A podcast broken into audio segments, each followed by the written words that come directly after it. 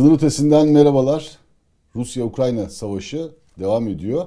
Ama müzakereler de devam ediyor. Ve bu müzakerelerde masa İstanbul Dolmabahçe'de kuruldu. Dünyanın gözü de İstanbul'daydı. Rusya'dan heyetler, Ukrayna'dan heyetler geldiler ve e, 4 saatlik bir toplantının ardından 24 Şubat'tan itibaren devam eden savaş sürecinde belki de ilk kez e, olumlu diyebileceğimiz, somut olarak olumlu diyebileceğimiz adımların atıldığına tanık olduk. Bu süreci konuşacağız Sernur Yassıkaya ve Kılıç Buğra Kanat'la birlikte. Kılıç Buğra Kanat öncelikle e, tabii Cumhurbaşkanı Erdoğan'ın diplomasi trafiği. Onu geçen hafta konuştuk. NATO liderler zirvesindeki batılı ülkelerin Türkiye'ye bu konudaki yaklaşımı, övgüleri bunları da konuştuk. Evet Türkiye gerçekten diplomatik olarak e, bu savaşı sonlandırmak adına elinden gelenin fazlasını yaptı. E, Dışişleri Bakanları Antalya'da toplanmışlardı ama bu kez müzakere masası İstanbul'da kuruldu. E, ve bu süreçte bu masadan çıkan sonuçlara bakacak olursak eğer iyi niyetin bir kere ön planda olduğunu görüyoruz. Rusya da olumlu mesajlar veriyor, Ukrayna'da. Ukrayna diyor ki NATO üyeliği olmayacak. Tamam diyor, kabul ettik bunu. Rusya da diyor ki işte Kiev'de ve Çerniyev'de operasyonları yine bir iyi niyet göstergesi olarak durduracağız. Dahası var, garantörlükler var. Efendime söyleyeyim, e, referandum konusu var. E, tansiyonun biraz düştüğünü görebiliyoruz. Sen neler söyleyeceksin? Buradan başlayalım. Şimdi öncelikle e, toplantının Türkiye'de yapılmasıyla ilgili e, şu önemli aslında. Türkiye'nin buradaki e, özellikle aslında 2003'te e, Amerika'nın Irak işgalinden bu yana Türkiye e, Orta Doğu'da çıkan her türlü e, çatışmada, her türlü iç savaşta, tıpkı e, Irak iç savaşında Sünnilerle Şiiler arasında olduğu gibi, tıpkı 2008 yılında Suriye ile İsrail arasında olduğu gibi, tıpkı daha sonra Suriye'de e, Arap Baharı'nın ilk günlerinde Suriye ile muhalifleri bir araya getirmeye çalışmak olduğu gibi, tüm çatışmalarda aslında bu çatışmaların barışçıl yollarla, bu uyuşmazlıkların barışçıl yollarla çözülmesi için diplomasiyi seferber ediyor ve bu diplomasiyi seferber etmesi aslında dünyanın gözünden de kaçmıyor. Onun için bu, bu konuda oluşmuş bir kredisi diyebileceğimiz bir sermayesi var ve bu sermaye sürekli olarak gündeme geliyor. Ben geç, geçtiğimiz hafta sonu Doha Forum'daydım ve Doha Forum'daki tartışmalar sırasında da en e, aslında güvenilir e, ara bulucu olarak sürekli olarak Türkiye'nin adı geçiyordu. Bu Avrupalıların katıldığı toplantılarda da böyleydi. Ukraynalıların katıldığı toplantılarda da böyleydi. Hatta Rusya tarafına yakın e, argümanlar ortaya koyanlar da Türkiye'nin burada e, bir ara bulucu olabileceğini söylüyordu. Çünkü Türkiye özellikle bu kriz e, e özelinde bakarsak Ukrayna ile ve Rusya ile belki de en kritik ilişkilere sahip ülkelerden biri olarak ortaya çıkıyor. Bunun için e, düş, şöyle düşünelim. Avrupa Birliği'nin ve Amerika'nın yaptırımlarını e, uygulamamasına rağmen Ukrayna tarafından güvenilir bulunuyor. Ukrayna ile e, Kırım Savaşı'nın Kırım'ın ilhakından beri aslında son derece stratejik ilişkiler geliştirmiş olmasına rağmen ve bunu devam ettiriyor olmasına rağmen de Rusya'nın güvenine sahip. Onun için Rusya'da toplantıların İstanbul'da yapılmasını, Türkiye'nin bu konuda e, işte ara bulucu, kolaylaştırıcı bir rol oynamasını, Türkiye'nin bu görüşmelere ev sahipliği yapmasını kabul ediyor. Onun için e, işte geçen hafta Doha Forum'da ama NATO zirvesinde ve diğer toplantılarda da Türkiye'nin bu rolü oynayabileceği, bu rolü en başarılı bir şekilde oynayabileceği aslında e, görülüyor. Burada önemli olan bir başka nokta da Türkiye'nin buna yaklaşımındaki realizm aslında. Bu tip çatışmalarda Türkiye daha önce Irak'ta da gördü. E, kazan kazan formülünün olmadığı durumlar bunlar. Çünkü bir savaşa girilmiş, iki taraf iki tarafta belirli bir kayıp vermiş.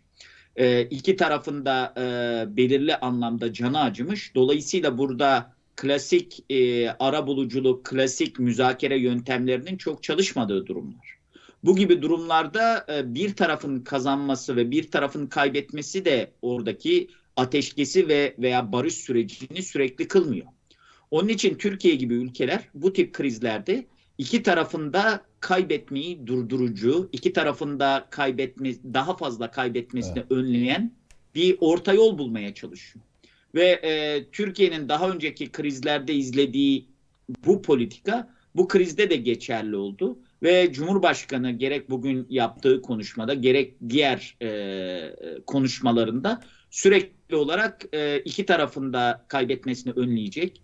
E, Rusya'nın da bundan e, hani e, bir şekilde e, istediğini alamayacak ama kaybetmesini daha fazla kaybetmesini engelleyecek.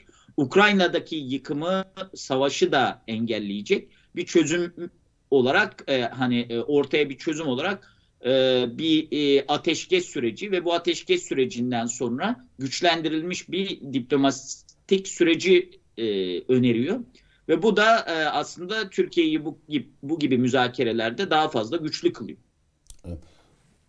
Yani kazan kazan bu tür bir savaşta olacak bir şey değil tabii senin de vurguladığın gibi. Her iki tarafta daha az kayıp ortak paydasında buluşmalı. Türkiye'nin ortaya koyduğu reçete bu. Peki bu reçete Hı. çerçevesinde mesela garantörlük yani Ukrayna e, Türkiye'nin aralarında bulunduğu birçok batılı ülkenin bu işe garantör olmasını istiyor. E, onunla birlikte referandum konusu var. E, bu süreç nasıl işler? Yani masada birbirlerinin birbirlerine bazı konulara taviz verir gibi olumlu sonuçlar, e, daha doğrusu olumlu adımlar gördük ama e, sürecin işleme noktasında garantörlük meselesi ve referandum konuları daha fazla ön plana çıkıyor. Rusya'nın bu garantörlük ya şöyle bu gibi e, anlaşma e, hani e, müzakere süreçlerinin başarıya ulaşması genel anlamda iki tarafın e, arasındaki güvene bağlı. O güven inş, e, güvenin bir şekilde inşasına bağlı. Şimdi garantörlük meselesinde Rusya'nın e, bu, buna vereceği tepki e, oldukça önemli çünkü Rusya'nın böyle bir şeyi ilk etapta özellikle batılı ülkelerde batılı ülkelerin garantörlüğünde e, kabul etmesi biraz daha zor olabilir veya bunu Putin'in bunu kabul etmesi durumunda Putin'in bunu kamuoyuna anlatmasında belirli bir zorluk yaşayabilir. Çünkü özellikle savaşın başlamasından bu yana e, Rusya hem medyasıyla hem Putin'in kendi ağzıyla oldukça batı karşıtı bir söylem oluşturdu ve e, bunu yerleştirdi. Ve bu noktadan sonra bu tip bir garantörlüğü kabul etmesinin e, hani imkansız demiyorum ama e, bayağı zorlu bir e, süreci ona yaşatacağını düşünüyorum. Ama bu garantörlük dediğimiz konu herhalde hani daha önce de gündeme gelmişti. Türkiye garantör olsun. Ama aynı zamanda da işte hani ateşkesi garanti etsin, ateşkesi denetlesin. Yani sahada bir askeride bir varlık ortaya koymasını gerektirecek bir e, formülden bahsediliyordu. Şu anki masadaki bu garantörlük konusu bundan çok daha farklı anladığımız kadarıyla. Ya şimdi bu garantörlüğün tam olarak tanımını e, çok muğlak şeyler. Şöyle gidelim 1994 Budapeşte memorandumunda da Ukrayna'nın nükleer silahlarını teslim ettiği anlaşmada da buna e, böyle bir muğlak bir dil vardı. İngiltere, Amerika ve Rusya Ukrayna'nın toprak bütünlüğünü bir şekilde garanti eder görünüyordu. Ama o garantörlerden bir tanesi Ukrayna'yı işgal etti. Diğeri de Ukrayna'nın işgal etmesini ve toprak bütünlüğünün ihlal edilmesinin önünü alamadı. Dolayısıyla e, tam olarak orada garantörlük dediğimiz meselenin ne olduğunu, hangi şartlarda gerçekleşeceğini ve Rusya'nın bunu nasıl kabul edeceğini iyice konuşmak, iyice tartışmak gerekecek. O süreçte bu müzakerelerde muhtemelen eğer Rusya'nın da garantörlüğü kabul etmesi durumunda üzerinde oldukça ciddi bir tartışmanın yaşanacağı bir durum olacak. Evet Sernur bir de e, referandum konusu var. Tabi bu garantörlük ve re, referandum meseleleri hani şu anki masada kabul edilen operasyonların bir kısmının durması, NATO üyeliğinden vazgeçmesi Ukrayna'nın gibi o süreç işleyecek ki sonrasında bu garantörlük ve müzakere safhasına geçilsin. Evet. Bir de e, bu işte referandum konusu. E, referandum konusuyla ilgili. Yani o konuyu zaten ilk olarak e, Ukrayna Devlet Başkanı Zelenski ortaya atmıştı. Hatta Sayın Cumhurbaşkanı Erdoğan da e, akıllı bir liderlik gösterdiğini ifade etmişti bu referandum üstünden. E, tabii şey e, baktığımız zaman e, Zelenski için çok büyük siyasi maliyeti olabilecek bir konu. Ee, hem Donbas konusu hem Kırım meselesi. Kırım meselesini sanki biraz daha işte bu gelen haberler arasında e, biraz daha ikili bir görüşme içerisinde ve şey deniyor mesela Yani 15 Kırım- yıl içinde evet, refer- evet, Kırım'ın referanduma götürülmesi yani Ukrayna'daki referandumdan daha bağımsız. Evet, Biraz aha. herhalde liderler arasındaki bir süreç. Evet, sanki biraz Donbas üzerinde Oraya bir referandum e, evet. görüşülecek gibi. Orada da işte Putin-Zelenski zirvesinin olası bir Evet. Zelenski zirvesi sırasında oradan çıkacak bir anlaşmaya göre bu Donbas meselesinin referanduma götür- götürüleceği konuşuluyor ama zaten bu bir şekilde e, Zelenski'nin istediği bir konuydu. Burada ben e, çok çekinceli davranacağını sanmıyorum. Ancak bunun biraz daha böyle e, işte tüm Rus askerleri Ukrayna'dan çekildikten sonra gerçekleşebileceğini e, öngörüyorum. Peki Cumhurbaşkanı Erdoğan, Putin ve Zelenski bu üçlü buluşma. Evet. Buna doğru daha e, giderken daha somut bir adım atılmış diyebilir miyiz bu e, müzakere masası Yani için? e, sen de hatırlarsın bizimle Belçika dönüşü yaptığı e, görüş toplantıda Sayın Cumhurbaşkanı şey demişti. E, onurlu bir çıkış e, gerçekleşsin Evet. demişti Rusya açısından ve e, Sayın Putin'in işte barışın kuran lider ol mesajı Evet. vermişti. Bence şu an işte e, bu e, Salı günü e, Dolmabahçe'de gerçekleşen e, toplantının çıktılarından belki en önemlilerinden birisi Rusya'nın bu mesajı aldığını ben e, hissettim orada. Çünkü mesela işte hemen çıkıştan sonra Rusya Savunma Bakan Yardımcısı bir açıklama yaptı ve işte Kiev ve Çerniv'deki askeri faaliyetlerimizi sonlandırıyoruz e, diye bir açıklama yaptı. Sonrasında e tabi şey bu. Biraz Rusya'nın da sahadaki gerçekliği kabul ettiği ve aslında aslında bu şey e, birkaç gün öncesinde zaten Rusya biz e, bu işte askeri planın e, birinci safhasını geride bıraktık artık biraz daha Donbas'a e, eğiliyoruz demekle aslında müzakere masasına biraz daha işaret etmişti. Dolmabahçe'de bu müzakere masasının artık biraz daha e, somutlaştığını biz gördük. Yani artık Yani Rusya'da şey altın köprü meselesi var ya e, Rusya'ya onurlu bir çıkış ve bir altın köprü kurulması. evet. Bu o O köprü Dolmabahçe'de Du- kurulmuş gibi sanki. Evet. Evet. o Ve o şey. köprünün adı da Donbas gibi duruyor şu Evet, an. Aynen. Rusya en azından bu gözle bakıyor. Evet, görünen o, o burada. Peki Kılıç Burak Kanat, ya Rusya'nın bu işte garantörlük meseleleri, efendime söyleyeyim az önce sen de bahsettin Rusya batı varsa bu işin içerisinde buna soru işaretiyle bakar. Evet bu konuda haklı Rusya tabii ki. Ama öte taraftan yani Rusya'nın taahhütleri mesela Kiev ve Çerniyev'den e, operasyonları durduruyoruz e, diye bunu açıklama olarak yaptılar. Tabii göreceğiz e, önümüzdeki günlerde ama yani Rusya'nın bu konuda biraz sabıkalı olduğu gerçeği de var. Yani Suriye'de örneğin e, birçok kez buna tanık olduk. Birçok kez geçici ateşkesler ya da işte çatışmasızlık e, bölgesi ilanları olduktan sonra e, uyulmadığını da gördük. He buna ben yapmadım, Esed yaptı. İşte Esed de yapmadı, işte İranlı milisler yaptı noktasında e, yaklaşımları oluyor. Ama netice itibariyle e, Rusya eğer buna kanaat getirmediyse, buna artık ben bunu kesinlikle uygulayacağım demediyse, yani Ruslar bunu istemediği sürece e, oradaki silahlarda pek susacağı benzemiyor açıkçası. Katılıyor musun? Ya şöyle sana e, Rusya'nın sabıkası açısından katılıyorum. Çünkü Suriye'de hatırlarsan Halep'te özellikle kaç kez ateşkes ilan edilmişti ve bu ateşkesler daha sonra farklı sebeplerle, farklı yer yer bahanelerle bozuldu. Ama e, şu da var, e, Halep e, te, o kriz yaşanırken Halep bugün Kiev'in olduğu gibi dünya gündeminde değildi. Değil? Bugün e, dünyadaki bütün medya organları, uluslararası örgütler ve dünya kamuoyunun tamamı Kiev'deki çatışmaları izliyor.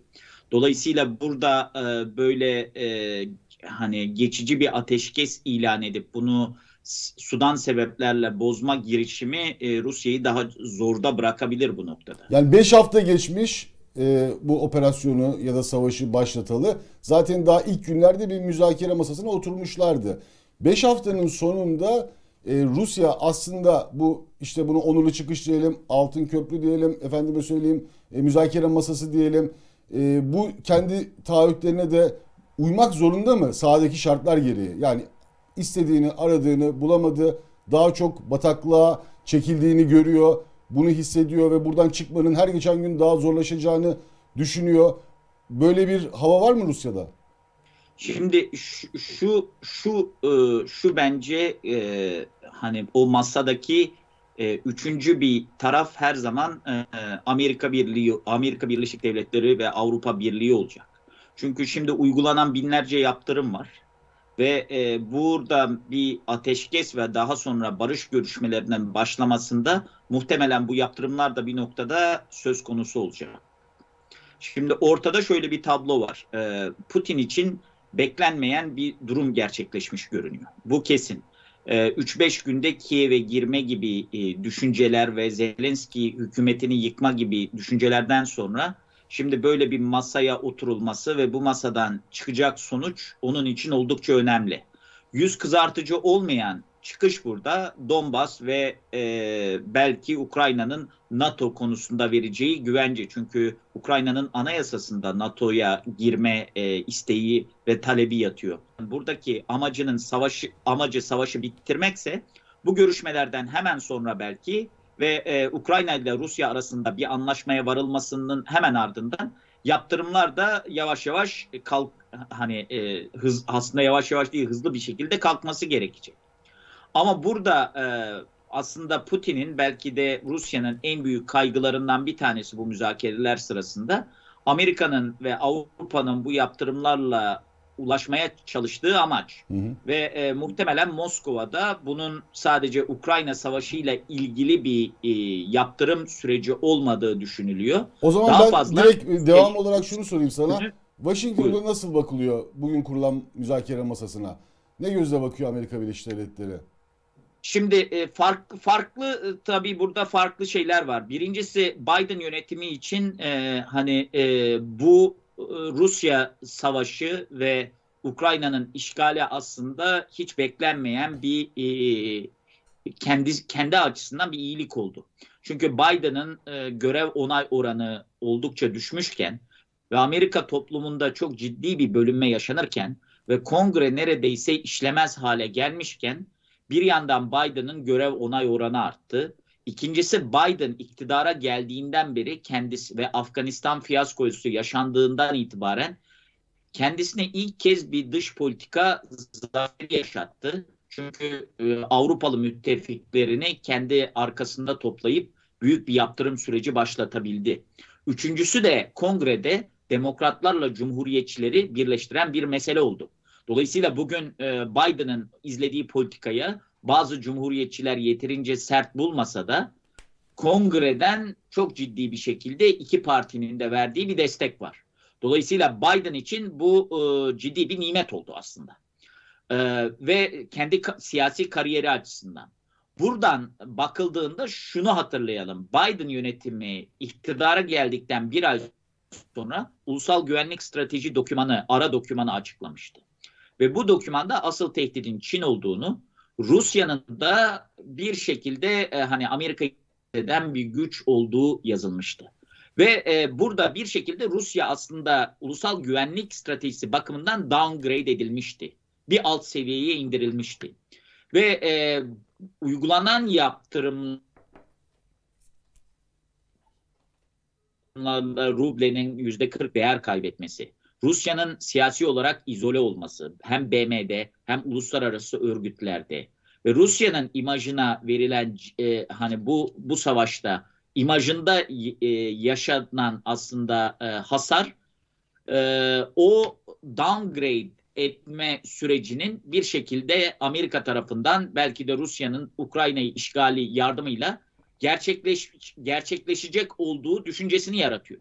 Dolayısıyla bir grup Amerika'da aslında e, hani amaca matuf olunduğunu, Rusya'ya karşı tüm Avrupa'nın Amerika'nın arkasında birleştiğini, Rusya'nın ekonomisine çok büyük zarar verildiğini ve bu noktada aslında e, durulacak bir nokta olduğunu, çünkü Ukrayna'daki savaşın Rusya'nın daha fazla güç kullanması ve neticede NATO'nun duruma e, müdahil olmasıyla ciddi bir Amerika-Rusya askeri gerginliğini ortaya çıkarabileceğini düşünüyor. Bunlar daha itidalli yaklaşan isimler.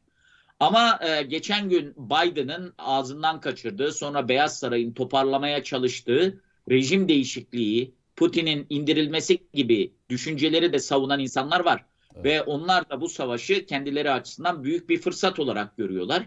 Ve Putin'in bu kadar izole edilmişken ve meşruiyetinin uluslararası anlamda sorgulanır ulusal anlamda da ciddi darbe gördüğüne inanıyorlar.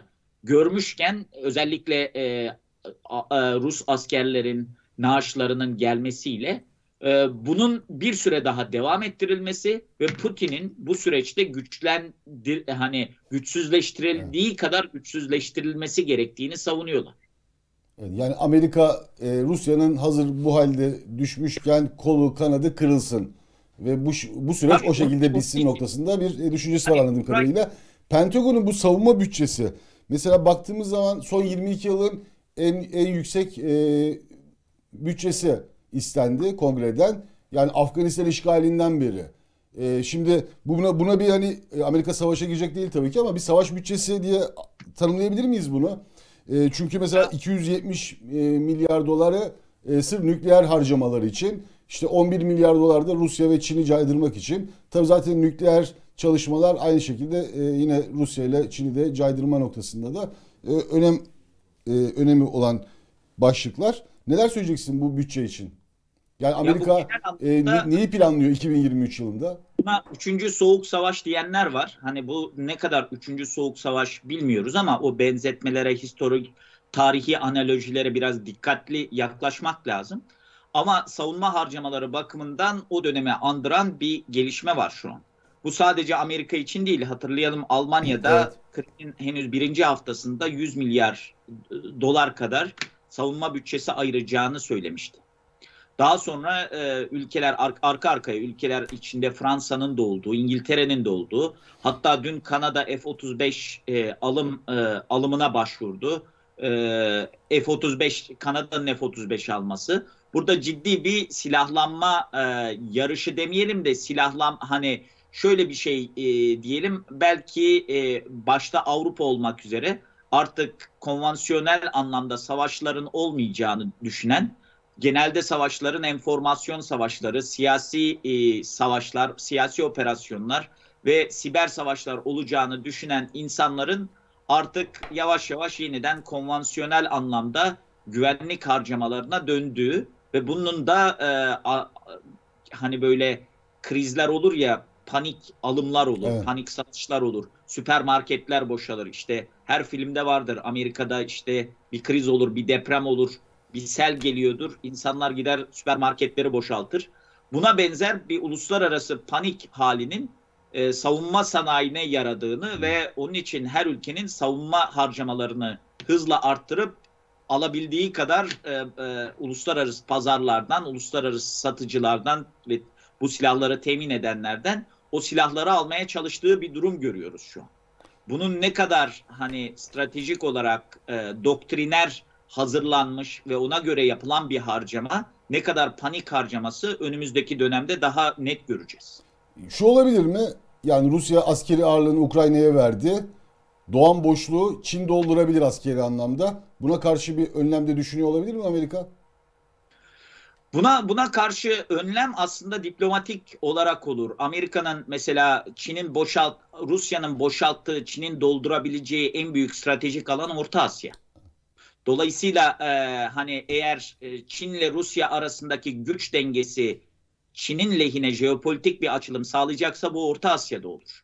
Ve oradaki e, durumu e, bir şekilde engellemek, Çin'in o bölgeye yayılmasını engellemek askeri bir e, harcamayla olmaz. Genel anlamda bu bölgeler özellikle Orta Asya Amerika'nın senelerdir ihmal ettiği, Amerikan dış politikasında çok da ismi geçmeyen, işte Washington'da üzerine çok da toplantı yapılmayan alanlar. Dolayısıyla Rusya'nın boşalt hani Rusya daha oraları boşaltmadı ama Evet. Rusya'nın boşaltacağını öngörüyorsan oraları Amerika daha fazla diplomatik angajmanla daha fazla e, insani ilişkiyle daha fazla ekonomik yatırım ve ekonomik ilişkilerle düzeltebilir. Çünkü orada Çin'in de en çok yaptığı o bölgeye as, e, askeri yatırım veya askeri harcama değil ekonomik yatırım ve özellikle o bölgedeki ülkelerle e, doğalgaz ve petrol üzerinden kurulan ilişkiler. Evet. Sernur Yassıkaya, yabancı savaşçılar meselesi bu müzakere masasında olumlu adımlar atılıyor dedik. Somut bir şekilde bir ateşkes vesaire olduğu takdirde bu yabancı savaşçılar ya da milisler her iki taraftan da var. Bunlar bir sorun teşkil eder mi? Yani eğer e, kısa süre, kısa dönemde bir çözüme ulaşılırsa ben e, sorun yaratacağını sanmıyorum. E, çünkü zaten daha yeni yeni onlar büyük ihtimalle sahada alan buluyorlardı ve çoğu aslında bir şekilde eski işte ABD ya da İngiliz özel kuvvetleri mensubu olan askerler ve bunların kimlikleri bir şekilde kayıt aldığını, alındığını düşünüyorum. Zaten Rusya açısından böyle bir problemin olacağını sanmıyorum. Çoğu işte Wagner unsurları falan ya da işte Esed rejiminden e, oraya taşınan unsurlar. E, eğer uzamazsa ki bu süreç uzayacak gibi artık durmuyor anlaşıldığı kadarıyla hem Rusya hem de Ukrayna tarafı artık e, bunun masada çözülmesi konusunda daha istekliler. E, bu çerçevede e, bu e, asker, yabancı asker askeri unsurların e, Ukrayna'da çok büyük yani Suriye'de ya da Libya'da olduğu gibi e, problem oluşturacağını düşünmüyorum.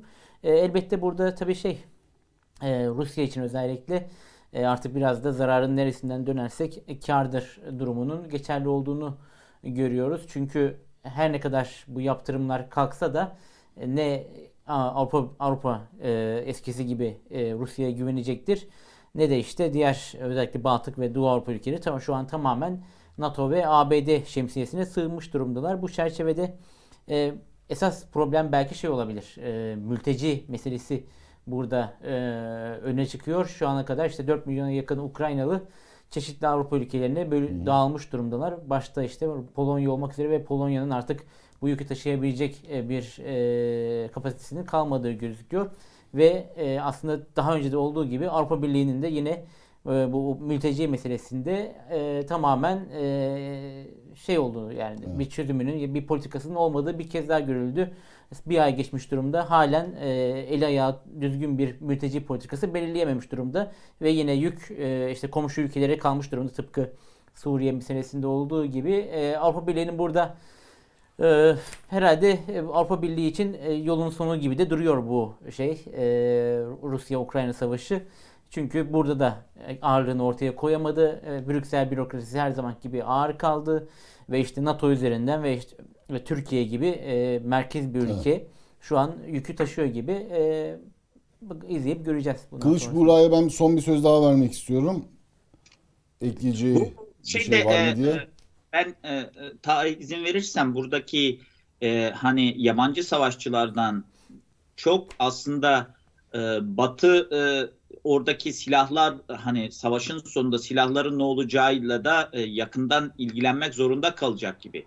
Hatırlayalım Suriye Savaşı'nda muhalif gruplara tank savar vermemek için o hani tank savar vermeyi riskli buldukları için çeşitli formüller üretip orada hani 10 tane tank savar verip e, e, bu Manpad dediğimiz füzelerden verip onları birçok şarta bağlamıştı. Şimdi Avrupa'daki ülkeler Amerika işte e, yüzlerce e, tank savarı bölgeye e, gönderiyor. Dolayısıyla oradaki e, denge o silahların ne olacağı önemli bir ayrıntı olacak. Evet. İkincisi e, şu da e, hani bu savaşın uzaması durumunda şöyle bir risk de olabilir. Birincisi Ukrayna'nın savaşı bitirmesi ve barış anlaşması sonrasında Avrupa'yı ve Amerika'yı da e, bazı konularda ikna etmesi gerekecek. Çünkü Rusya'nın Ukrayna üzerinden batıdan da istekleri olacak. Ve bu istekler Ukrayna'nın değil Avrupa ve Amerika'nın karşılayabileceği bazı istekler olacak. Birincisi bu. İkincisi de savaşın uzaması durumunda Avrupa ile Amerika arasında savaşın ilk günlerinde kurulan bu yakınlık ve koordinasyon da ciddi zarar görebilir. Çünkü e, Sernur'un belirttiği gibi e, mülteci meselesinde ilk etkilenen Avrupa olacak ve Avrupa'nın bunu çok da e, hani kontrol edemediği şu an için ortaya çıktı 4 milyon ama düşünelim şu an için 4 milyon ama düşünelim bu sayı 10 milyona çıktı çıkarsa Avrupa bununla nasıl baş edecek? Ve NATO'nun e, hatırlarsan geçen hafta yaptığı ortak açıklamada da bu mülteci meselesi ve daha mülteciler birinci ayındayken ortaya çıkan mültecilere karşı cinsel saldırı ve bunların e, hani insan trafiğinde kullanılması NATO'nun açıklamasında bile gündeme geldi.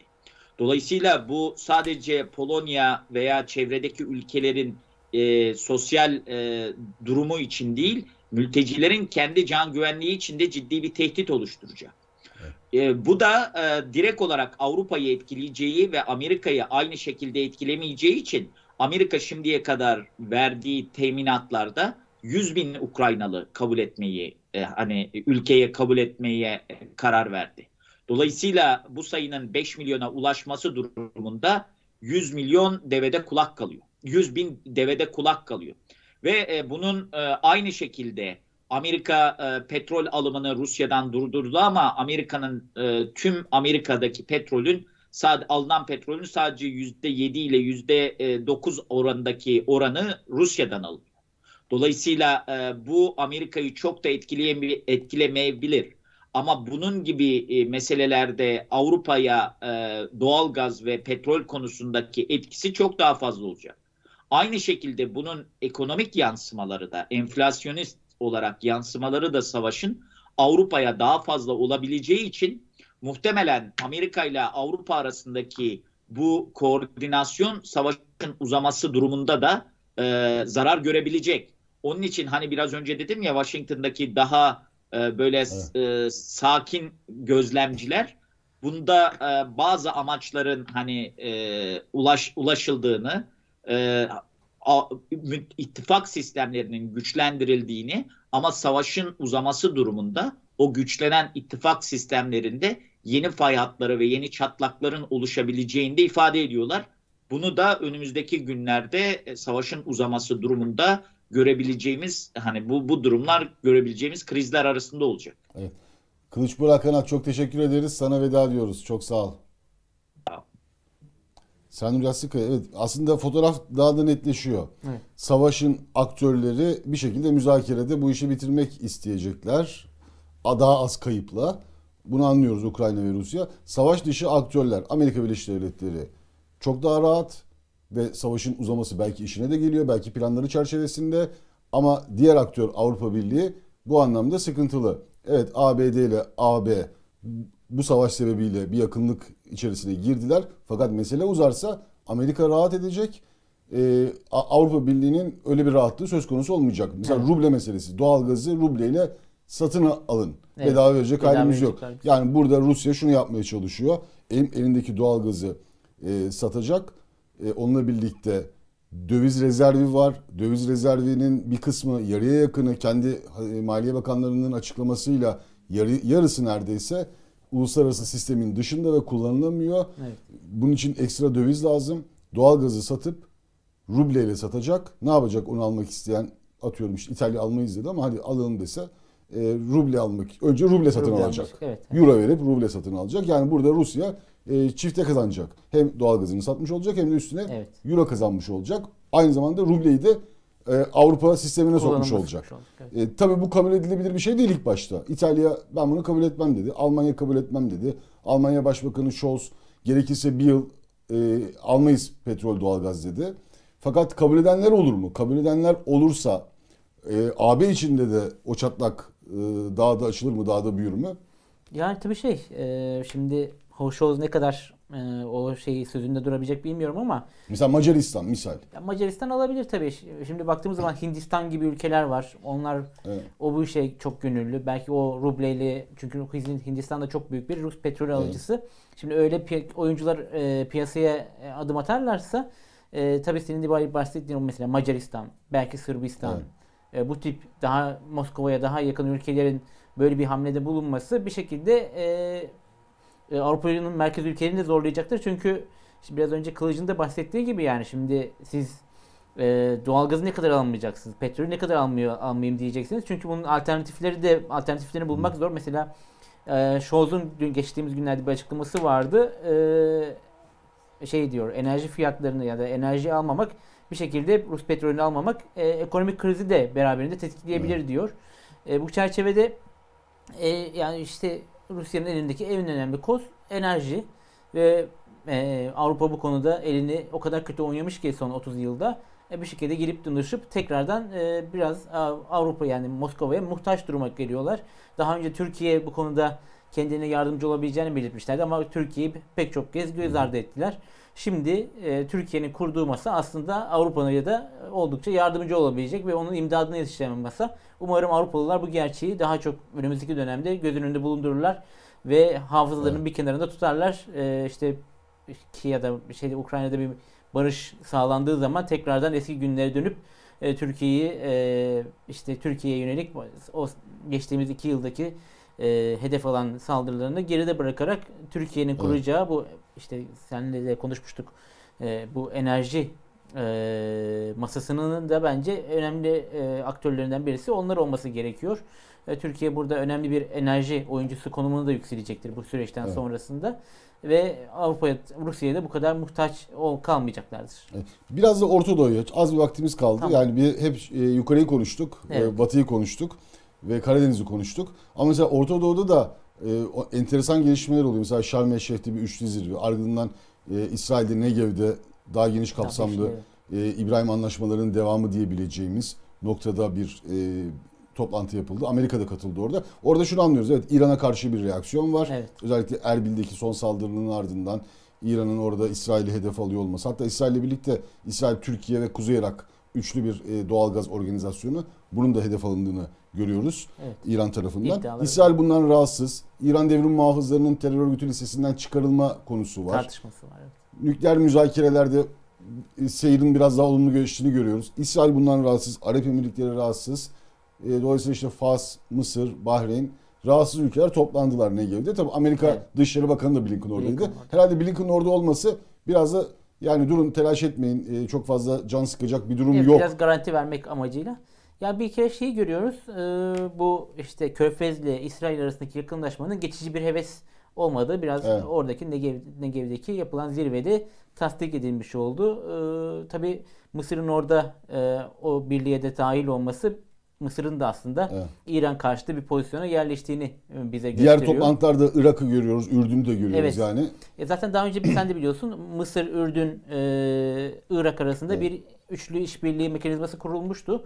Bunun işte İsrail'in de aslında buna dahil olduğu ve belki de sonrasında işte Türkiye'nin de bu çerçevede e, yer alacağı bir bölgesel işbirliği mekanizmasının e, oluşturulduğunu görüyor. Aslında bir Orada daha önceki masalar kuruluyor. Çok net evet masalar yani daha önce kuruluyor. konuşmuştuk biraz sanki e, fabrika ayarlarında dönüyor demiştik Evet, Orta. Doğu'nun. E, burada İran tabi özellikle eğer ABD ile bir nükleer anlaşma olacaksa e, oradaki körfez ülkelerinin en büyük E korkusu şimdi bu. masa kuruluyor. Masanın masada İran yok. Masanın en büyük düşmanı İran. İran Evet. masayı baltalamaya çalışıyor. Ama zaten İran faktörü olmasa o masada kurulmayacaktı belki de. Çünkü Evet. yani burada o masanın bir arada toplanması ve güçlenmesi yani Körfez, İsrail, Mısır, işte yarın öbür gün Türkiye bu da İran'la Amerika Birleşik Devletleri arasındaki ya da Batı ile e, İran arasındaki nükleer müzakere süreci. O süreç olmasa zaten bu masada bu kadar e, belki şekillenmeyecekti. E, kesinlikle yani Trump'tan sonra e, belki de kadük kalacaktı o. Yani şey işte Ukrayna meselesinin biraz ar- Evet. arka planda kaldı ama mesela Husilerin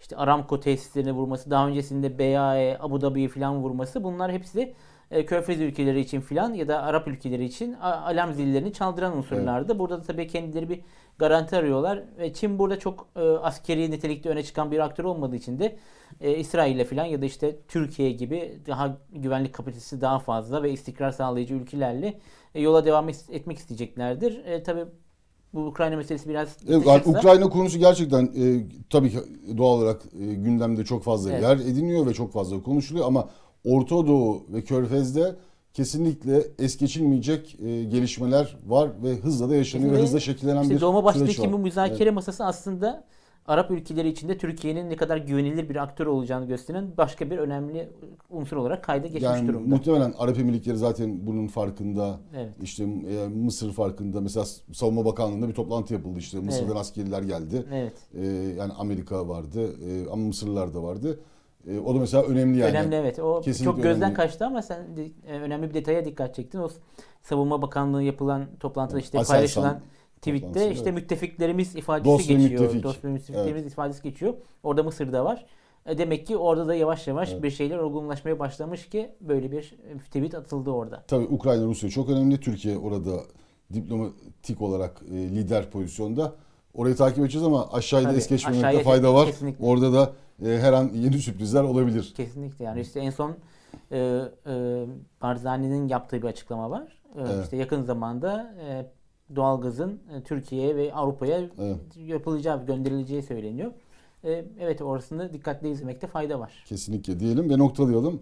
Teşekkür ederiz Sami Yassıkaya. Sınır ötesini bu haftalıkta noktalıyoruz.